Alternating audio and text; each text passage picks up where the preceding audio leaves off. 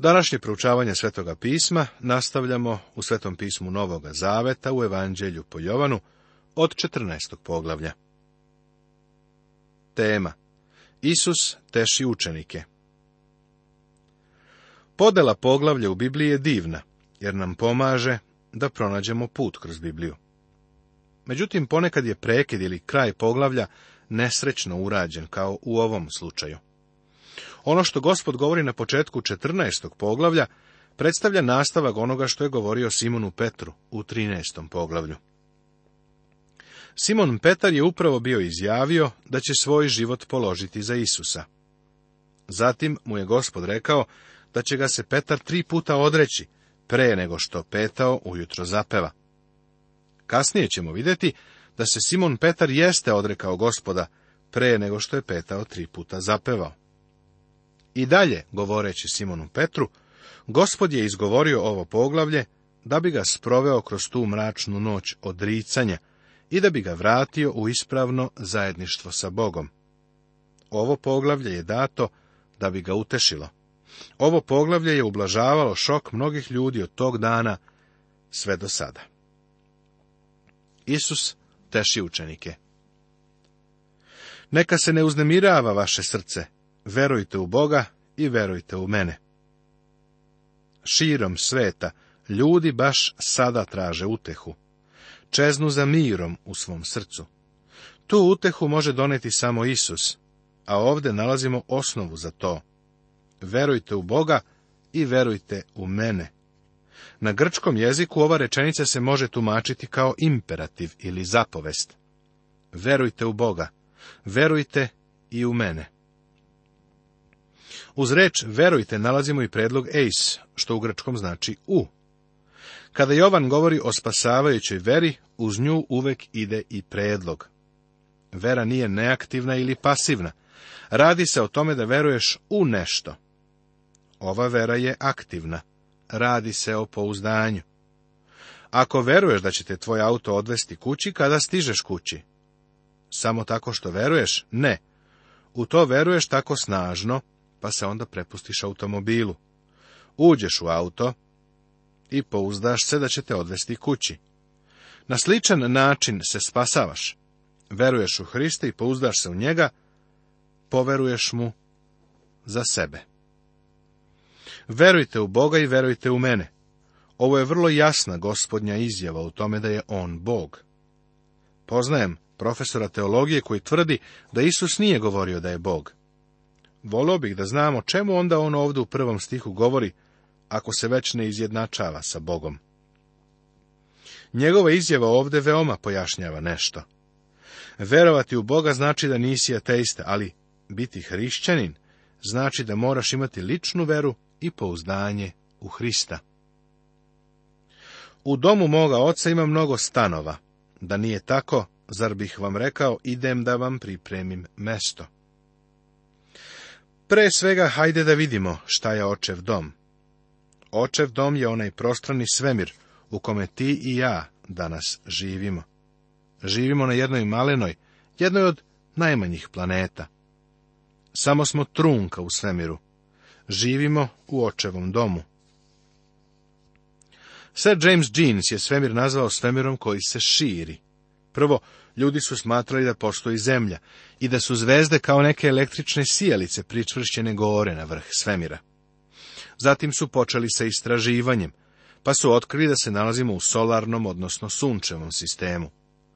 Uvideli su da smo u stvari jedna malena planeta, koja se okreće oko sunca, i da postoji još nekoliko drugih planeta koje sa nama putuju oko sunca. Zajedno sa ostalim sunčevim sistemima nalazimo se u galaktičkom sistemu, a kada pogledaš gore, taj mlečni put, vidiš drugu stranu našeg galaktičkog sistema. Sada, prijatelju, naš galaktički sistem je samo jedan od drugih galaktičkih sistema. Ako bismo mogli da odemo dovoljno daleko, našli bismo druge galaktičke sisteme, zbog kojih bi naš delovao kao zrno graška u svemiru. Kažu da je naš najbliži susred Andromeda od nas udalja nekih dva miliona svetlosnih godina. Prijatelju, ne možemo ujutro otići do najbližeg susednog galaktičkog sistema da pozajmimo šolju šećera, jer se ne bismo vratili do ručka. Čak ni ovi galaktički sistemi nisu kraj svemira. Iza njih se nalazi ono što se naziva kvazarima. Razlog zbog koga ih tako nazivaju jeste činjenica da je to nemačka reč koja znači da oni ne znaju šta je to. Pronašli su ih pomoću radioteleskopa, kao što je onaj u pustinji Mojavi. U Engleskoj imaju čak i veći teleskop, pa su otkrili da iza tih kvazara postoje drugi. Također ne znaju šta je to. Zato su Britanci pronašli jedan fini, naučni, navodno izraz, blops, pa ih tako i zovu. Jednostavno, ne znamo koliko je prostran ovaj svemir. Možda je beskonačan. Ako postoji beskonačan svemir, pa onda mora postojati beskonačan Bog. Možda nam je Bog dopustio da sami otkrivamo detalje, da bismo nakon svega priznali da je On tamo gore.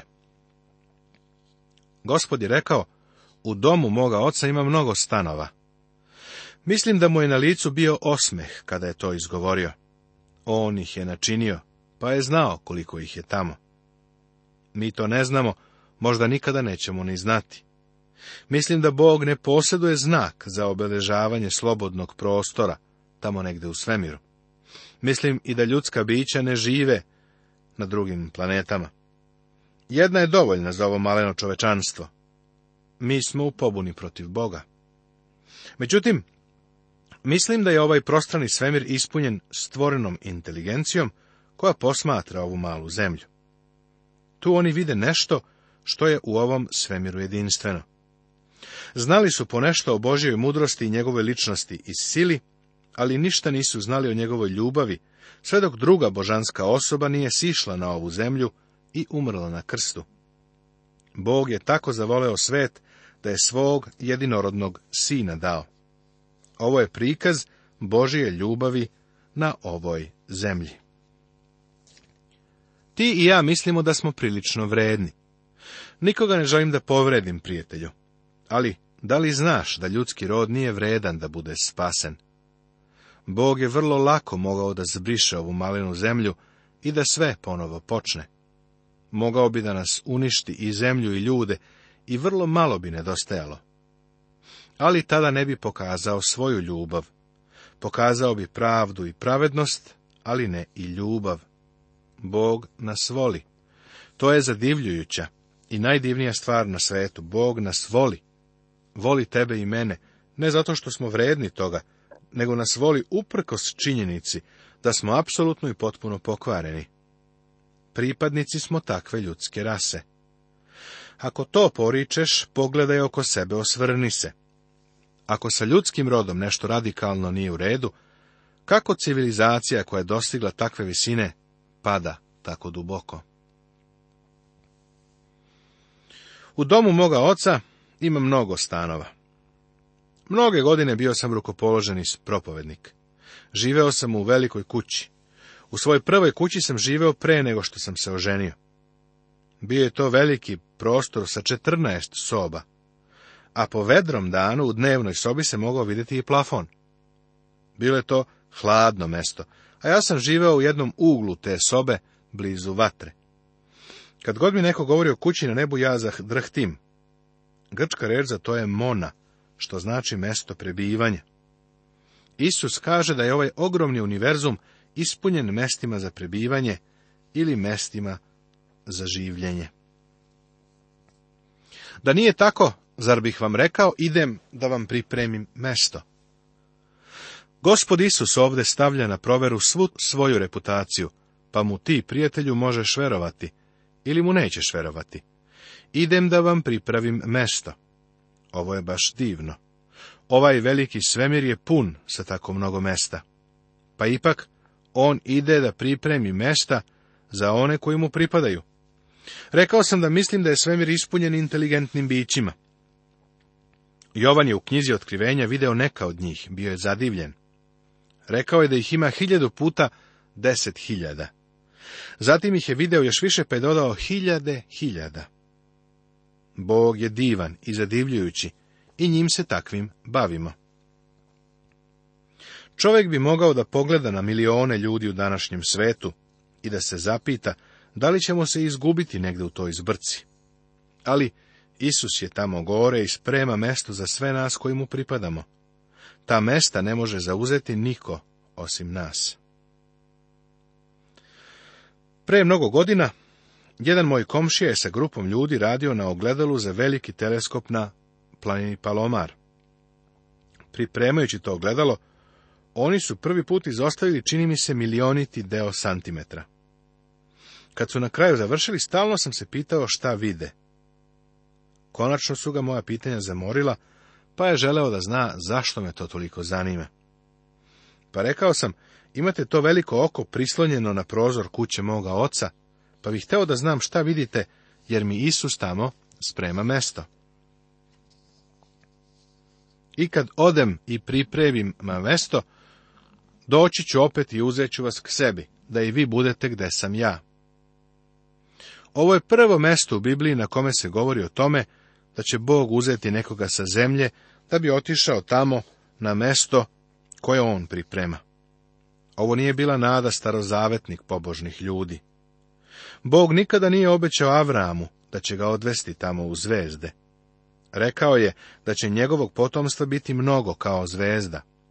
Ali obećanje koje je dao Avramu odnosilo se na to da će mu dati večni dom ovde na zemlji. Nada staroga zaveta odnosila se na ovo zemaljsko carstvo, u kome će prebivati mir i pravednost. Ovo je ispunjenje Božijeg cilja za ovu zemlju. Lično smatram da se izraz carstvo nebesko odnosi na Božiju vladavinu nad ovom zemljom. Bog je rekao, ja sam pomazao cara svojega na Sionu, na svetoj gori svojoj. Ovo je Boži zemaljski cilj, a Bog se kreće bez odstupanja, bez oklevanja i bez kompromisa ka danu kada će svoga sina postaviti na tron ovde na zemlji. To će biti carstvo nebesko. Ovo je zemaljski Boži cilj. Ovo je nada staroga zaveta. Kada je Isus rekao da će ljude, i to prvo apostole, uzeti sa ove zemlje, da sa njim budu na mestima koja im priprema, učenici su bili zapanjeni. Prvi put on to spominje. Ali ovo nije i posljednji put. Apostol Pavle je o ovome govorio u prvoj poslanici Solunjanim u četvrtom poglavlju. Tu kaže da će sam gospod doći sa neba sa vikom. Njegov glas će biti poput zvuka trube ili poput arhanđelovog glasa. On dolazi da pozove oni koji mu pripadaju mrtvi u Hristu će prvi ustati, a zatim će oni vernici koji su još uvek živi biti podignuti u susret gospodu u nebo. Tako ćemo uvek biti sa gospodom na tom mestu koje nam je pripremio. Jovan nam u otkrivenju 21. poglavlju kaže da će grad, Novi Jerusalim, sići od Boga sa neba. Biće to novi grad, novi koncept urbanog življenja, prijatelja. Tu će vernici, počevši od apostola, prebivati kroz celu večnost. I znate put kuda ja idem. On ove ljude podiže u visine, jer vidiš, tamo u gornjoj sobi se senka krsta nadvila nad družinu, a greh je kucao na vrata te sobe, tražeći svoje pravo. Gospod pokušava da ih uzdigne iz situacije sada i ovde u naknadnu situaciju, od materijalnog ka duhovnom, od zemaljskog ka nebeskom. Isus im govori dve stvari. Odredište, to je gde, i način odlaska, odnosno kako.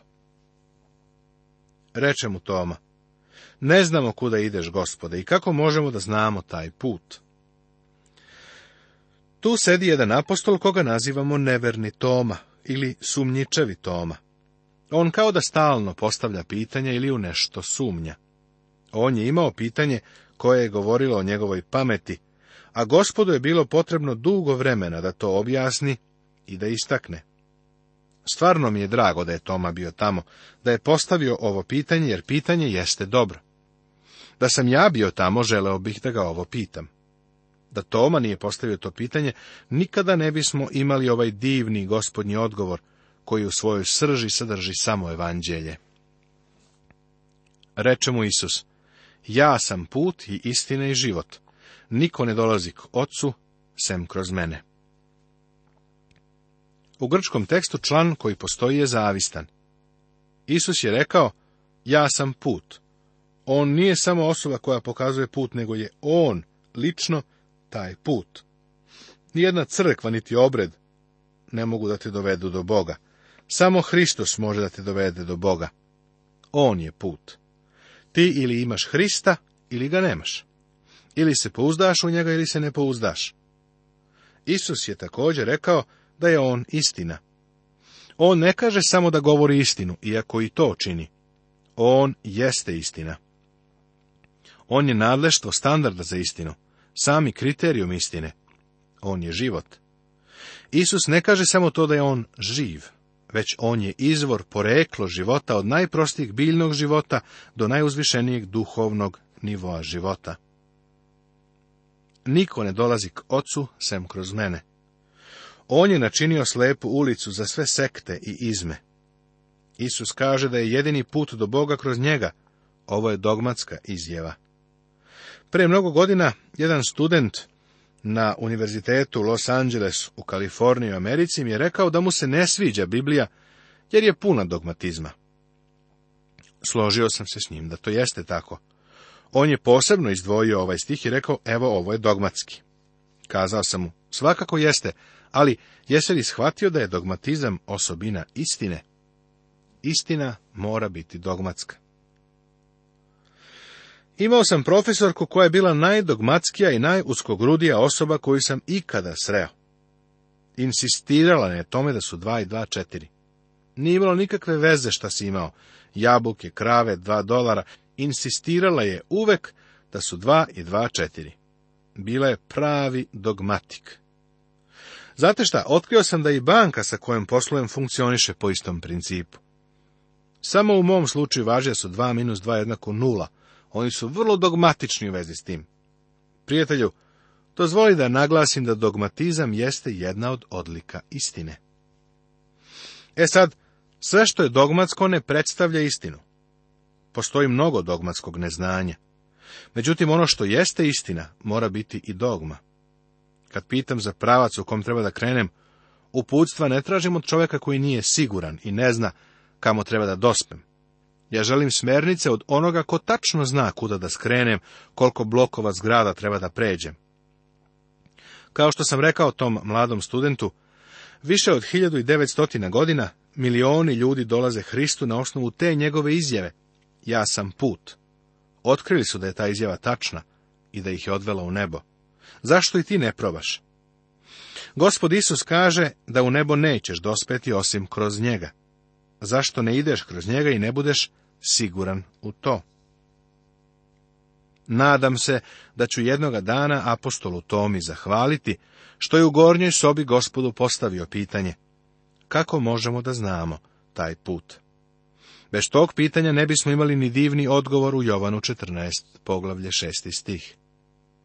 Ovdje imamo još jedno pitanje. Od Filipa. Kad ste mene upoznali, upoznaćete i moga oca. Već sad ga poznajete i videli ste ga. Reče mu Filip, gospode, pokaži nam oca i nama je dovoljno. Filip je bio vrlo tih i čutljiv, za razliku od govorljivog Petra. Mislim da je vrlo redko govorio. Imao je grčko ime i neki koji proučavaju Bibliju veruju da je on i bio grk. Međutim, mogao je biti i jevrin, pa opet imati grčko ime. Filip je vrlo neobičan čovek, jer svaki put kad ga sretnemo, on nekoga dovodi Isusu. Seti se da je doveo Natanaila. Često razmišljam o tome. Filip je bio tih i čutljiv, a Natanailo je bio duhovit. Filip je bio ispravan i direktan, a Natanajl je bio šaljivđija. Ali povučeni Filip dovodi ljude Isusu. Seti se da su i Grci došli kod njega u želji da vide Isusa. Ovde on izražava najveću ambiciju koju jedan čovjek može da ima, najveću želju koju je ispoljila i jedna osoba u celoj Bibliji. Pokaži nam oca. Želeo bih da ti danas postavim lično pitanje. Šta ti u životu želiš? Koji je tvoj konačni cilj? Želiš li da se obogatiš? Želiš li da stekneš ime? Želiš li da odškoluješ svoju decu? Želiš li da ih odgajiš u savetu i nauci gospodnjoj? Naši ciljevi možda jesu vredni. Ipak, najuzvišeniji cilj je izrekao Filip. Gospode, pokaži nam oca. Reče mu Isus, toliko vremena sam s vama i nisi me upoznao, Filipe. Ko je video mene, video je oca. Kako onda govoriš, pokaži nam oca. Mislim da Isusove reči ne treba da tumačimo kao ukor. On Filipu kaže da je učinio mnogo čuda. Iako Filip nije video Božiju slavu kao Mojsije ili Isaija, video je Isusa i bio je svedok njegovih dela i reči. Sve što je Filip želeo da vidi, video je u Isusu Hristu. Video je Boga. Nastavit će se.